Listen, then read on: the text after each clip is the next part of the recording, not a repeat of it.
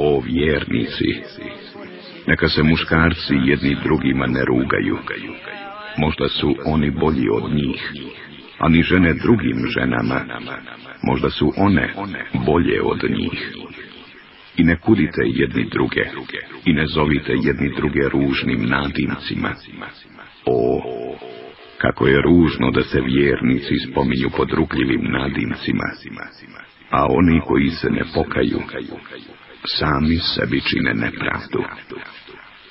O vjernici, klonite se mnogih sumnjičenja, neka sumnjičenja su zaista grijeh, i ne uhodite jedni druge, i ne ogovarajte jedni druge. Zar bi nekome od vas bilo drago da jede meso umrloga brata svoga, a vama je to odvratno? Zato se bojte Allaha. Allah zaista prima pokajanje i samilostanje. Bismillahirrahmanirrahim.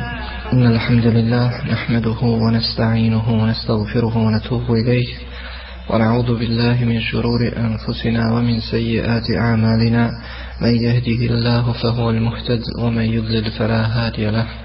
أشهد أن لا إله إلا الله وحده لا شريك له. وأشهد أن محمدا عبده ورسوله صلى الله عليه وعلى آله وأصحابه ومن تبعهم بإحسان إلى يوم الدين. يقول الله تبارك وتعالى في كتابه الكريم يا أيها الذين آمنوا اتقوا الله حق تقاته ولا تموتن إلا وأنتم مسلمون. ويقول الله تعالى يا أيها الذين آمنوا اتقوا الله وكونوا مع الصادقين. فإن خير الكلام كلام الله وخير الهدى هدى محمد صلى الله عليه وسلم وشر الأمور محدثاتها وكل محدثة بدعة وكل بضعة دلالة وكل ضلالة في النار Neka je slava i hvala našem uzvišenom gospodaru Allahu Đalešanuhu onolika kolika je njegova veličina i koliko samo njemu subhanahu wa ta'ala dolikuje svjedočimo da nema drugog istinskog Boga dostojnog obožavanja osim našeg uzvišenog gospodara Allaha Đalešanuhu neka je salavat i selam na Muhammeda Mustafa sallallahu alaihi wa sallame na njegovu časnu porodicu ashabe i sve one koji slijede jedinu, ispravnu, jedinu priznatu vjeru pod uzvišenog Allaha Đalešanuhu Islam do sudnjeg dana.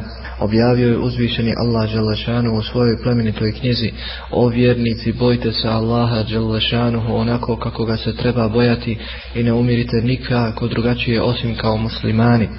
I objavio je Allah Đalešanu O vjernici, bojte se Allaha i budite sa onima koji su iskreni. Uistinu je najbolji govor Allahu Đalešanu govor a najbolja uputa uputa Muhammeda Mustafa sallallahu alaihi wasallame najgore stvari su novine u vjeri jer svaka novina u vjeri se smatra novotarijom svaka novotarija je zabluda a svaka zabluda vodi vodi u vatru. Da nas Allah želešanu u sačuvanje. Draga moja braća plemente i cijene sestre Allah želešanu je iz milosti prema ljudima podario im mnoge blagodati. Kao što kaže Allah Želešanu u svojoj plemenitoj knjizi wa in ta'uddu ni'matallahi la tuhsuha. Ako budete brojali Allahu je Želešanu blagodati nikada ih nećete nabrojati. Svakako najveća blagodat koju je Allah Želešanu podario ovom narodu ovim ljudima jeste njegova uputa jeste vjera Islam i svakako jeste sunnet Allahovog poslanika sallallahu alaihi wa sallam što ih je uputio na sunnet Allahovog poslanika, njegovog poslanika Muhammeda Mustafa sallallahu alaihi wa sallam, da shvate jeli svoju vjeru Islam onako kako je praktikovao poslanik sallallahu alaihi wa sallam. Od tih mnogobrojnih blagodati koje je Allah Želešanu podario narodu, podario ljudima, jeste i sposobnost govora. Jeste mogućnost da čovjek izrazi ono što nosi u sebi, mogućnost da čovjek komunicira s drugim ljudima, razgovara, razminjuje mišljenja. Allah Đelešanu je stvorio taj po veličini jeli mali organ, jezik s kojim čovjek ulazi u islam, izgovara riječi šehadeta ašhedu an la ilaha illa Allah ašhedu anna Muhammeda Rasulullah. Zatim čovjek s tim malim organom može da slavi Allaha Đalešanuhu i da povećava jeli, svoj iman. Međutim draga moja braća plemenite i cijene sestre treba da znamo da isto tako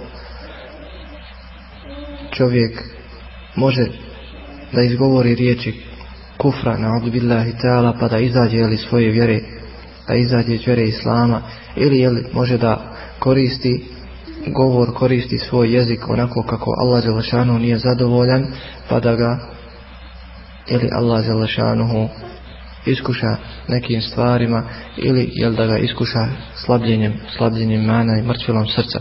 Pa ćemo ako Bog da jeli večeras da progovorimo nekoliko riječi o jednoj opasnoj stvari, o jednoj bolesti koja se uveliko jeli uvriježila među muslimanima, a muslimani o njoj i takako malo razmišljaju i ne čine ništa jeli da se ta stvar, ta bolest koja se pojavila među nama i tako jeli uveliko proširila.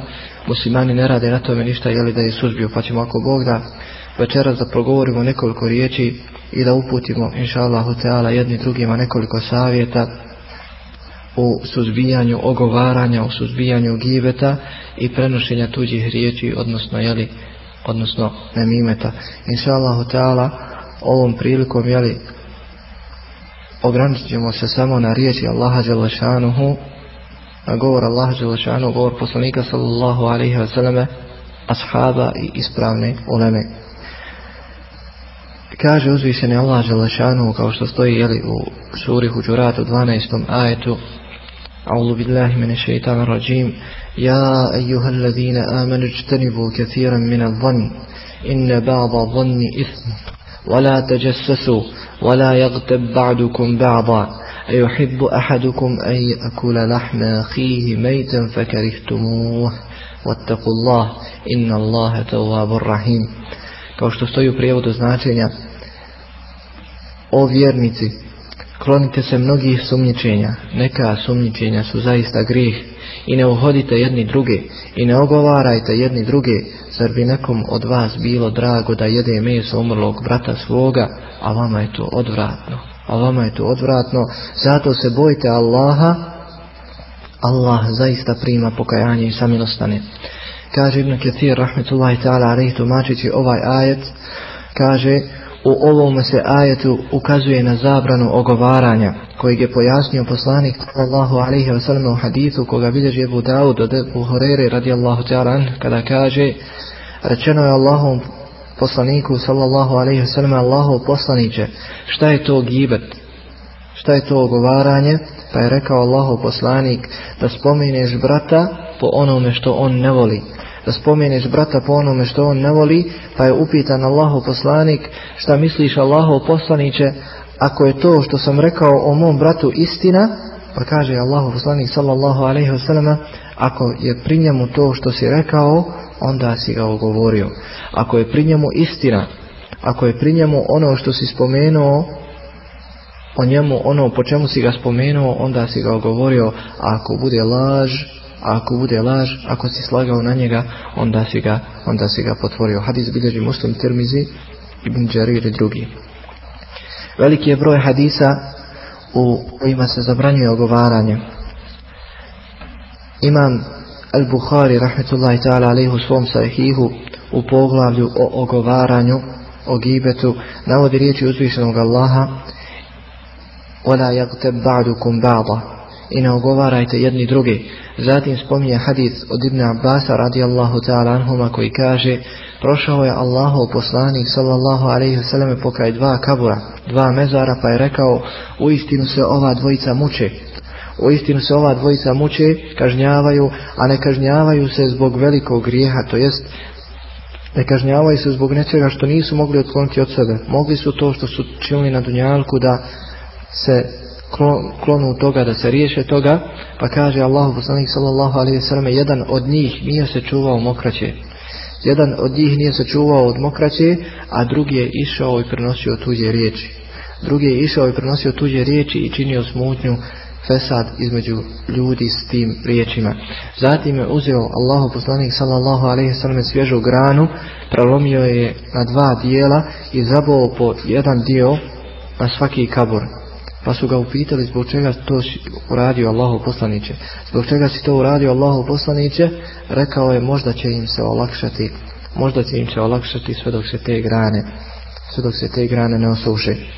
Kaže Hafid ibn Hajar Raskelani, rahmetullahi ta'ala alaih, bilježi Ahmed i drugi od Ebu Bekra, radijallahu ta'ala da je rekao, prošao je Allahu poslanik sallallahu alaihi sallam pokraj dva kabura, pa je rekao, uistinu se ova dvojica, uistinu se stanovnici ova dva kabura kažnjavaju, a ne kažnjavaju se zbog nečega velikog. Ne kažnjavaju se zbog nekog velikog grijeha kojeg znači nisu mogli da otklonu od sebe na dunjalku, pa kaže stanovnici ta dva kabura muče se zbog nečuvanja od ogovaranja i mokraće.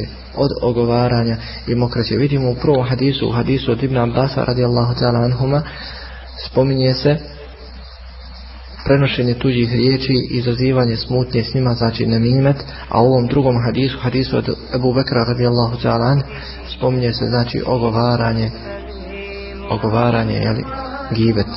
Bilježi Buharija i Muslim da je Allahu poslanik sallallahu alaihi wa sallam na oprosnom hađu rekao u istinu su vaša krv u istinu su vaša krv i vaš imetak i vaša čast nepovrijedljivi, sveti, kao što vam je nepovrijedljiv ovaj vaš dan, kao što vam je svet ovaj vaš dan u ovom vašem mjesecu, na ovom vašem mjestu, zar vam nisam, zar vam nisam dostavio.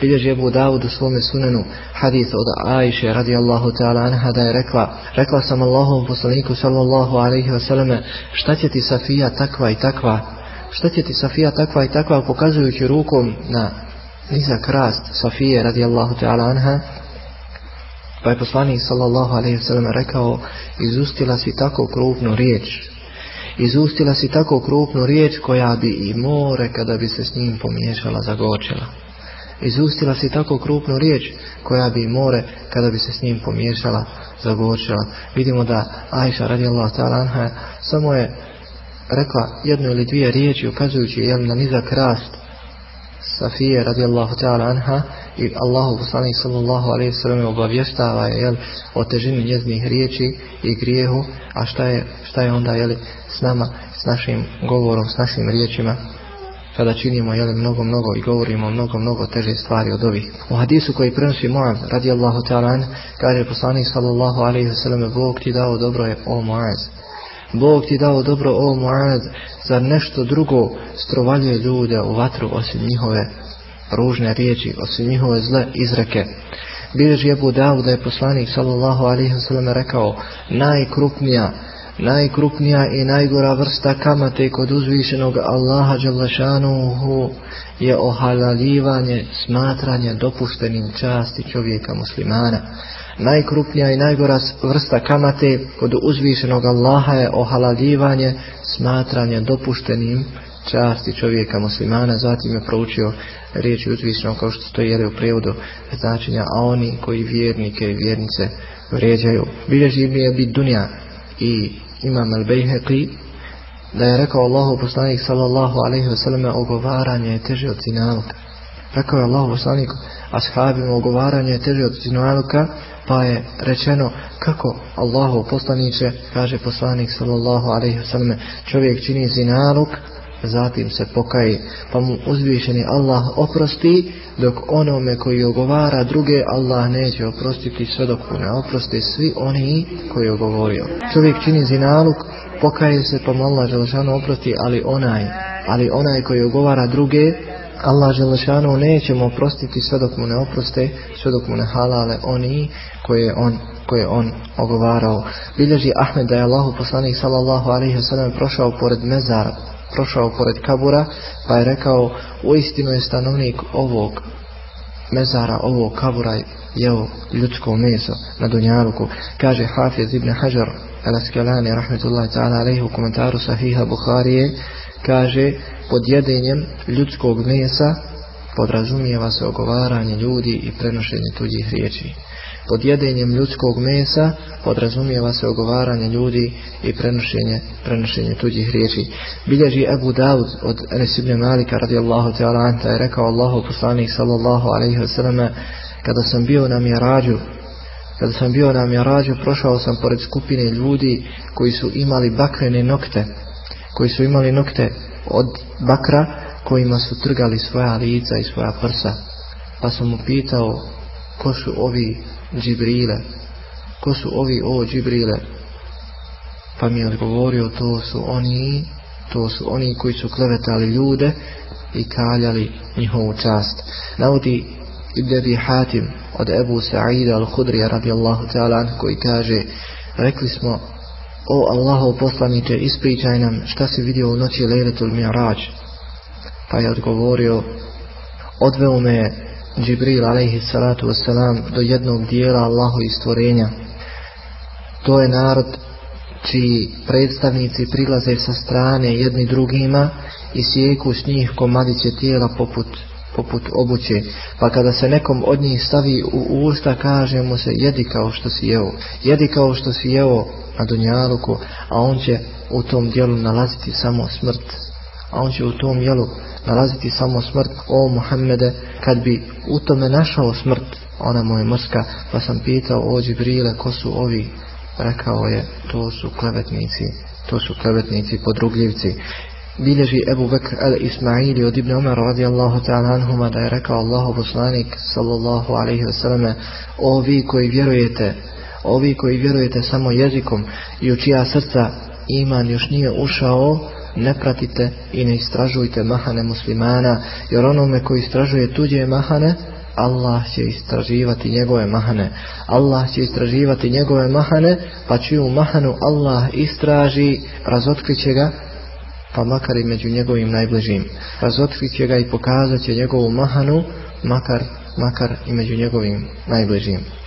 Ušao je Omer ibn Khattab radijallahu ta'ala kod Ebu Bekra Siddika, a on, Ebu Bekra radijallahu ta'ala držao se i vukao za jezik, pa mu je rekao Omer, šta to radiš? Allah ti oprostio grijehe, kaže Ebu Bekra radijallahu ta'ala, ovo je ono, ovo je ono što hoće da me uništi. Rekao je Omer radijallahu ta'ala svima nama da to prenosimo ako Bog da do sudnjega dana. Rekao je Omer radijallahu ta'ala na vama je da se sjećate i spominjete uzvišenog Allaha jer je to lijek za srca. Na vama je da se sjećate i spominjete uzvišenog Allaha jer je to lijek za srca, a da se klonite spominjanja ljudi jer je to bolest a da se klonete spominjanje ljudi jer je to bolest. Rekao je Katada rahmetullahi ta'ala alaih spomenuto nam je da se kazna u kaburu sastoji od tri trećine. Jedna trećina je za one koji su druge ogovarali. Druga trećina je za one koji se nisu čuvali mokraće a treća trećina je za one koji su prenosili tuđe riječi. Prenosi imam El Kurtubi rahmetullahi ta'ala alaih mišljenje većine islamskih učenjaka da se ogovaranje, da se gibet, spominjanje drugih ljudi po onome što oni ne vole, ubraja u velike grijehe poput zinaluka, pijenja, alkohola, krađe, poput prekidanja rodbinskih veza, neposlušnosti prema roditeljima i, i tome slično. Kaže imam Nevovi rahmetullahi ta'ala u ogovaranje čovjeka u ogovaranja čovjeka se ubraja spominjanje kod njega svega onoga po čemu on ne voli da bude spomenut. Bilo da se radi o njegovom tijelu ili njegovoj vjeri ili njegovom dunjaluku ili njegovoj naravi ili njegovom izgledu ili njegovom ponašanju bilo da se radi o njegovom imetku ili njegovim roditeljima ili njegovom djetetu ili njegovoj ženi ili njegovom slugi, njegovom pomoćniku ili njegovoj odjeći ili njegovim pokrećima prilikom hoda ili bilo da se radi o njegovom vedrom ili, ili namrgođenom licu. Kaže Hafiz ibn Hajar rahmetullahi ta'ala alaih, tvoj jezik, tvoj jezik je tvoja brana, ono što te čuva od propasti, pustiš li ga, uništit će te. Pustiš li ga, uništit će te, a ukoliko ga ukrotiš, spasit će te. Prošao je narod pored jednog pobožnjaka koji se nalazio u svojoj kući, u svome stanu, pa su ga upitali kako ti je ime, a on je odgovorio zatvorenik, tamničar. Zašto tako? Rekao je, zatvorio sam svoj jezik uščuvao sam ga i nisam njime napadao druge ljude. Kaže Hasan al-Basri, rahmetullahi ta'ala alaih, ukoliko vidiš čovjeka da spominje tuđe nedostatke, tuđe mahane, a ostavlja svoje mahane po strani, znaj da ga je uzvišeni Allah iskušao time. Znaj da ga je uzvišeni Allah iskušao, iskušao time da se bavi jeli, tuđim stvarima, da se ne bavi, ne bavi svojima. Zato, dragi moj brate, plementaj cijen sestro, bojimo se uzvišenog Allaha Đalašanuhu, klonimo se ovog zlog tijela, čuvajmo se ogovaranja ljudi, ne budimo od onih koje uzvišeni Allah iskušava, a da toga nismo ni svjesni. Ne dajmo svoja dobra djela drugom, kako ne bi došli na sudnji dan kao gubitnici, kao oni koji sa sobom neće imati dobrih dijela. Najopasnija Najopasnija vrsta ogovaranja jeste ogovaranje učenih ljudi, ogovaranje uleme i onih koji traže znanje. Pa makar se kod njih u njihovom radu i ponašanju i nalazile neke od grešaka, neke od mahana, jer treba da znamo da savršenstvo pripada samo uzvišenom Allahu, a griješenja su bili pošteđeni samo poslanici alaihimu salatu wasalam. Kaže Ibn Asakir, rahmetullahi ta'ala alaihi, onaj koga uzvišeni Allah onaj koga uzvišeni Allah iskuša s ogovaranjem učenjaka neka zna da je iskušan mrtvilom srca. Onaj koga uzvišeni Allah iskuša s ogovaranjem učenjaka u leme iskušan je s mrtvilom, s mrtvilom srca.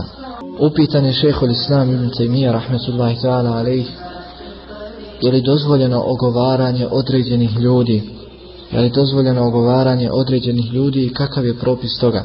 Pa je odgovorio šehhul islam tajmije, rahmetullahi ta'ala alaih, neka je hvala Allahu gospodaru svjetova kod govora o gibetu, ogovaranju, osnova je da je ogovaranje ono kakvim ga je protumačio Allahu poslanik sallallahu alaihi wa sallam kada je upitan o njemu.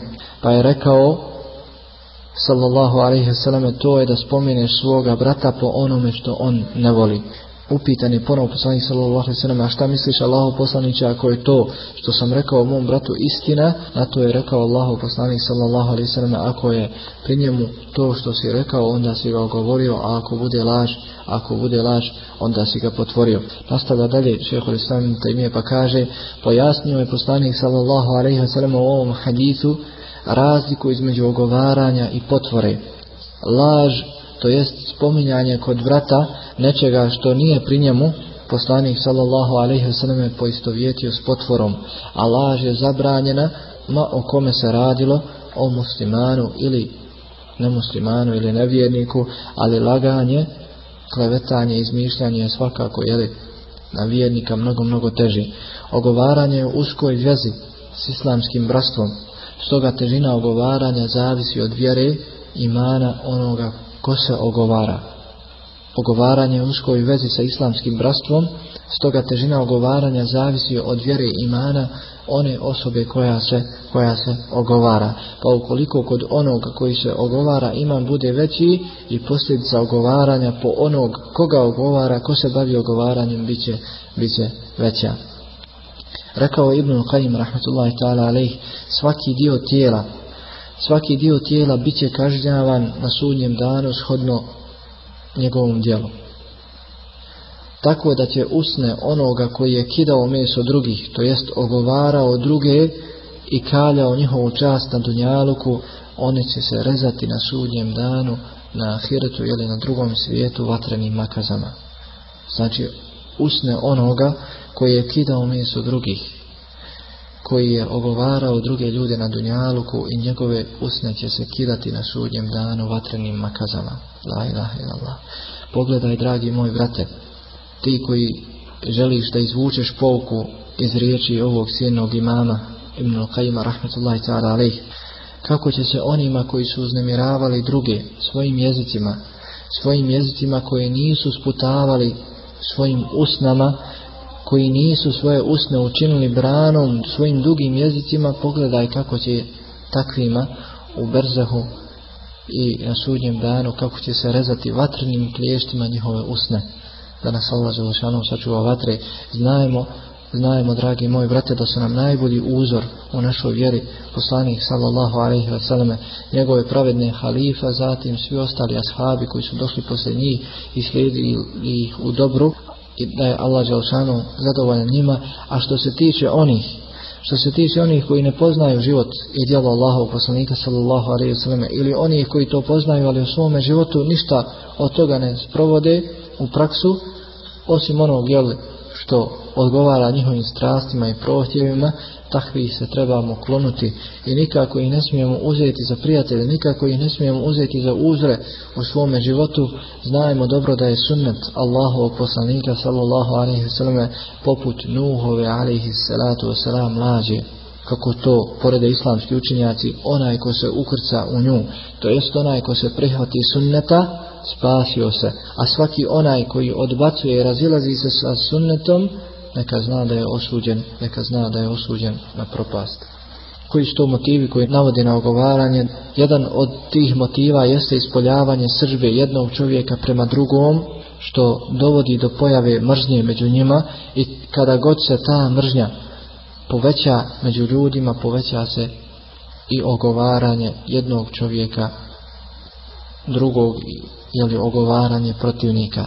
Zatim u motive koji navode na ogovaranje spada svakako druženje i potpomaganje svojih prijatelja kojima je navika da ogovaraju drugi i kaljaju čast drugih ljudi, pa kada se nađu u njihovom društvu, nezgodno im je da prekinu svoga baba, svoga prijatelja koji spominje druge po lošem ili da napuste jeli, njihovo društvo, bojeći se da se njihov prijatelj ne naljuti, da se njihovo prijateljstvo ne sruši, da se njihovo prijateljstvo ne prekine. Također od motiva jeste napadanje drugog i ogovaranje druge osobe, spominjanje nekih njenih osobina koje nisu bile poznate među narodom, onda kada bude on napadnut ili ogovoren od strane te osobe. Umjesto da zamoli Allaha Đalašanu da oprosti njegovom bratu koji je njega ogovorio, a i ne zna je li za razlog njegovog govora, umjesto da zamoli Allaha Đalešanu da mu oprosti, on je li uzvraća na njegov govor o svojim je li ogovaranjem, ogovaranjem te osobe, a neće li da postupi po sunnetu Allahu poslanika sallallahu alaihi sallam i po praksi prvih generacija. Motive koji navode na ogovaranje spada svakako ogovaranje, spominjanje drugih osoba po lošim osobinama kako bi odvratili poglede ljudi od sebe prema tim jeli, tuđim osobinama, tuđim lošim osobinama kako drugi ljudi ne bi primijetili njihove manjkavosti nego bi se jeli zaposlili manjkavostima, manjkavostima drugih. Motive ogovaranja drugih osoba spada i želja za uzdizanjem sebe na račun omalovažavanja drugih želja za uzdizanjem sebe na račun omalovažavanja drugih, pa se tako zna desiti da neko za drugoga govori da je neznalica s ciljem da dokaže kako je on jeli, bolji, kako je on pametniji od njega, billahi ta'ala. Također u motiva ogovaranja i spominjanja drugih osoba po lošim osobinama spada i zavist. Da nas Allah želešanu sačuva njih. Tako da neko iz zlobe i zavisti ogovara drugoga, ko među narodom ima ugled i čast, koga narod voli, hvali, poštuje.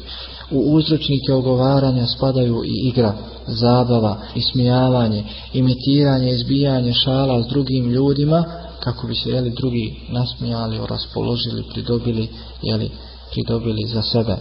Također u motive ogovaranja spada i iskazivanje čuđenja prema osobi koja ponekad pogriješi u vjeri. Naravno kad je riječ o ulemi, kad je riječ o učenjacima, ne vodeći jeli računa o riječima Allahu poslanika sallallahu alaihi wasallam da učenjak, mučtehid, kada pogodi rješenje, kada pogodi prilikom davanja ili odgovora na postavljeno pitanje, ima dvije nagrade. A da ukoliko pogriješi, ima jednu nagradu. Ne imajući na umu da savršenstvo pripada samo Allahu Đelešanuhu, a da su griješenja bili, bili pošteđeni samo, samo poslanici. U motive ogovaranja spada da dobro zapamtimo i ispoljavanje milosti prema drugim ljudima. Ispoljavanje milosti prema drugim ljudima govoreći jadnik, da mu se uzvišeni Allah smiluje i spasi ga od onoga čime ga iskušao.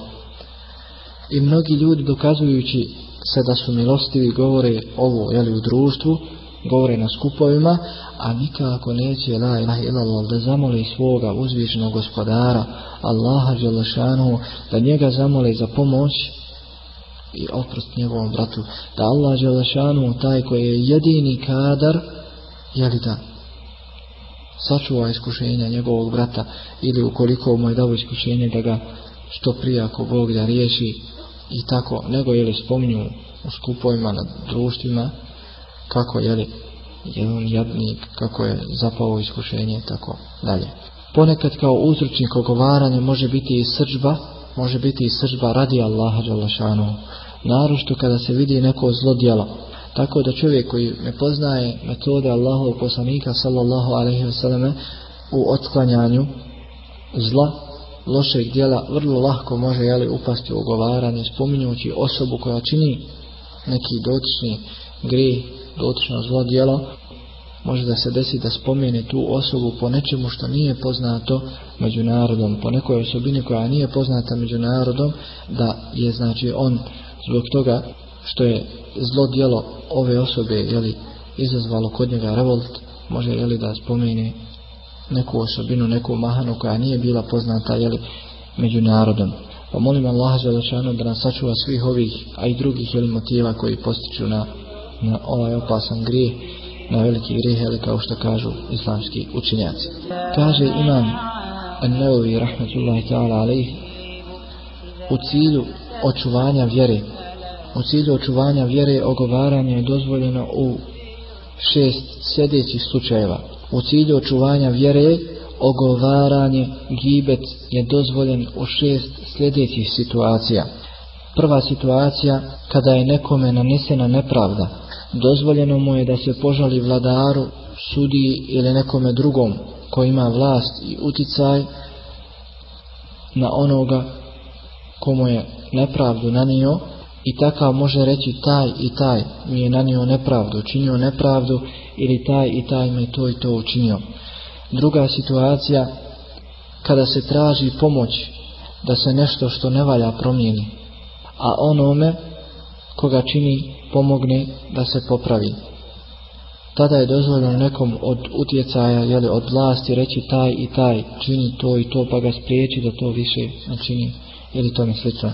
Kada se traži nečije mišljenje, na primjer, muftino, pa mu se kaže taj i taj, ili moj otac, moj brat, moja žena, učinio mi je takvu i takvu nepravdu, ima li on to pravo kod mene, kako da se od njega spasim, kako da ja svoje pravo ostvarim, može je li da spomene, znači, ime osobe, ali je bolje reći ukoliko je li se može jedan čovjek ili jedna žena jedan otac ili jedno dijete učinilo je to i to, pa šta misliš, jeli, kako da se čovjek ponese prema tome i tako dalje. Znači, bolje je da se ne spomene ime osobe, ali jeli, ako bude potrebno, dozvoljeno, dozvoljeno je spomenuti ime čovjeka, ime osobe. Zatim, kada se muslimani trebaju upozoriti na neko zlo, dozvoljeno je jeli, ogovaranje, dozvoljeno je da se spomene onaj koji čini to zlo i ovdje se svakako misli jeli na davanje savjeta muslimanima, na ukazivanje na to zlo, a nikako jeli na spominjanje drugih osobina ili drugih mahana kod te osobe koja čini zlo, kako bi jeli cilj našeg govora, naših savjeta ne bi bio znači iskreni savjet za otklanjanje toga zla, nego jeli i ismijavanje te, te osobe koja čini taj grijeh. Zatim kada se neko javno raskalašeno ponaša i ne krije novotarije koje čini kao što su pijenje alkohola, nepravedno uzimanje i metka od drugih i slično, dozvoljeno je spomenuti tu osobu po tim grijesima, po toj novotariji koju čini, dozvoljeno je znači spomenuti tu osobu u drugim stvarima, znači koje ne čini javno, to je zabranjeno u drugim stvarima koje ne čini javno, iako mi znamo za te stvari, nije nam dozvoljeno, nije nam dozvoljeno da ih spominjemo drugim ljudima. I šesta situacija kada je neko opće poznat pod nekakvim nadimkom. Dozvoljeno ga je spomenuti pod takvim nadimkom u cilju njegova raspoznavanja od drugih ljudi. Osim, znači ako se time htio poniziti, to je zabranjeno. Znači u cilju raspoznavanja ljudi, ukoliko znači više osoba ima isto ime, pa je jedna od tih osoba koja je nama potrebna, koju treba jeli, da pronađemo, poznata je po nekakvom nadimku, makakav taj nadimak bio, dozvoljeno nam je znači u toj situaciji da spomenemo tu osobu po nadimku kako bi je jeli, lakše pronašli. Ukoliko ga je znači moguće raspoznati po njegovom imenu ili po nečemu drugom ne spominjući taj nadimak ili neku njegovu osobinu, bolje bi bilo jeli, da se ne spominje njegov nadimak ili njegova osobina, znači ta po kojoj je poznat međunarodno, međutim ukoliko nije znači moguće njegovo raspoznavanje, onda je jeli, dozvoljno, dozvoljno da se spomene ta njegova osobina. Na kraju inša Allah spomenut ćemo jeli, šta je to nemimet, šta je to jeli, prenošenje tuđih riječi. Pod namimetom se podrazumijeva prenošenje tuđih riječi riječi jednih ljudi drugima s ciljem unošenja nereda, razdora i mržnje među njima. Onaj koji prenosi tuđe riječi suprostavlja se naredbi uzvišenog Allaha kada kaže, kao što je jeli u prijevodu značenja, vjernici su samo braća, zato pomirite vaša dva brata. Vjernici su samo braća, zato pomirite jeli, vaša dva brata, suprostavlja se ovoj naredbi uzvišenog Allaha, jer on ne čini ništa da pomiri svoja dva brata, nego naprotiv, jeli, čini sve na unošenju razora, smutnje, fitne, jeli, među braćom muslimanima, nikako, jeli, na popravljanju njihova stanja. Allah Želešanovu kaže i popravite, jeli, međusobne, međusobne razmirce. Rekao je uzvišeni Allah, jeli, o prinošenju tuđih riječi i ne slušaj klevetnika onoga koji tuđe, koji tuđe riječi prenosi. Kaže Ibn Kathir, rahmatullahi ta'ala, alih, to jest onoga koji hoda među ljudima i spletkari, spletkari među njima. Allahu je riječi, kao što se prenosi u suri Leheb i žena njegova koja spletkari, dio ajeta, je, i žena njegova koja spletkari, odnosi se na Ebu Lehebovu ženu koja je prenosila tuđe riječi s ciljem ciljem sijanja razdora i mržnje među muslimanima. Kaže Allahu poslanik sallallahu alaihi wasallam u hadisu kojeg smo jeli naveli o dvojici ljudi koji će se kažnjavati jeli u kaburu. Jedan je znači ona osoba koja se nije čuvala mokraće, a druga osoba je ona koja je išla jeli i prenosila tuđe riječi između ljudi i izazivala smutnju, smutnju među njima. Zabilježeno je od Ibn Mas'uda radijallahu ta'ala da je rekao ne govorite mi ništa jedni o drugima. Ne govorite mi ništa jedni o drugima, ne želim ništa da čujem o vama, želim da odem od vas širokih prsa. Želim da odem od vas širokih prsa. Rekao Ibn Abbas radijallahu ta'ala anhuma, ko tebi prenosi riječi o drugom, znaj da će ih i drugima prenositi o tebi. Znaj da će i drugima prenositi riječi o tebi, pa ga se čuvaj.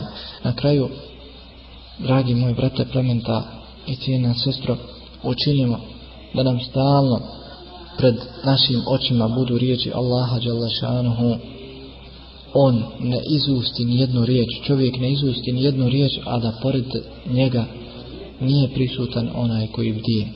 Znajmo dobro da za svaku riječ za svaki harf koji izgovorimo da Allah Đalašanuhu dobro zna za njega i da je svjestan toga i da su s naše strane meleki koji sve to dobro zapisuju i sve ono jeli što ćemo naći pred sobom na sudnjem danu pa ga se dobro čuvajmo čuvajmo dobro svoj jezik i iskoristimo ga jeli u hajru iskoristimo ga u spominjanju Allaha Đalašanuhu u njegovom slavljenju iskoristimo ga jeli u svim dobrim dijelima s kojima ćemo ako Bog da jeli popraviti popraviti svoj iman, svoju vjeru kažem ovaj govor i molim Allaha Đalašanuhu da oprosti i meni i vama, a molite ga i vi, jer Allah Želešanu je taj koji oprašta, koji voli opraštanje, pa ga molimo da nam oprosti.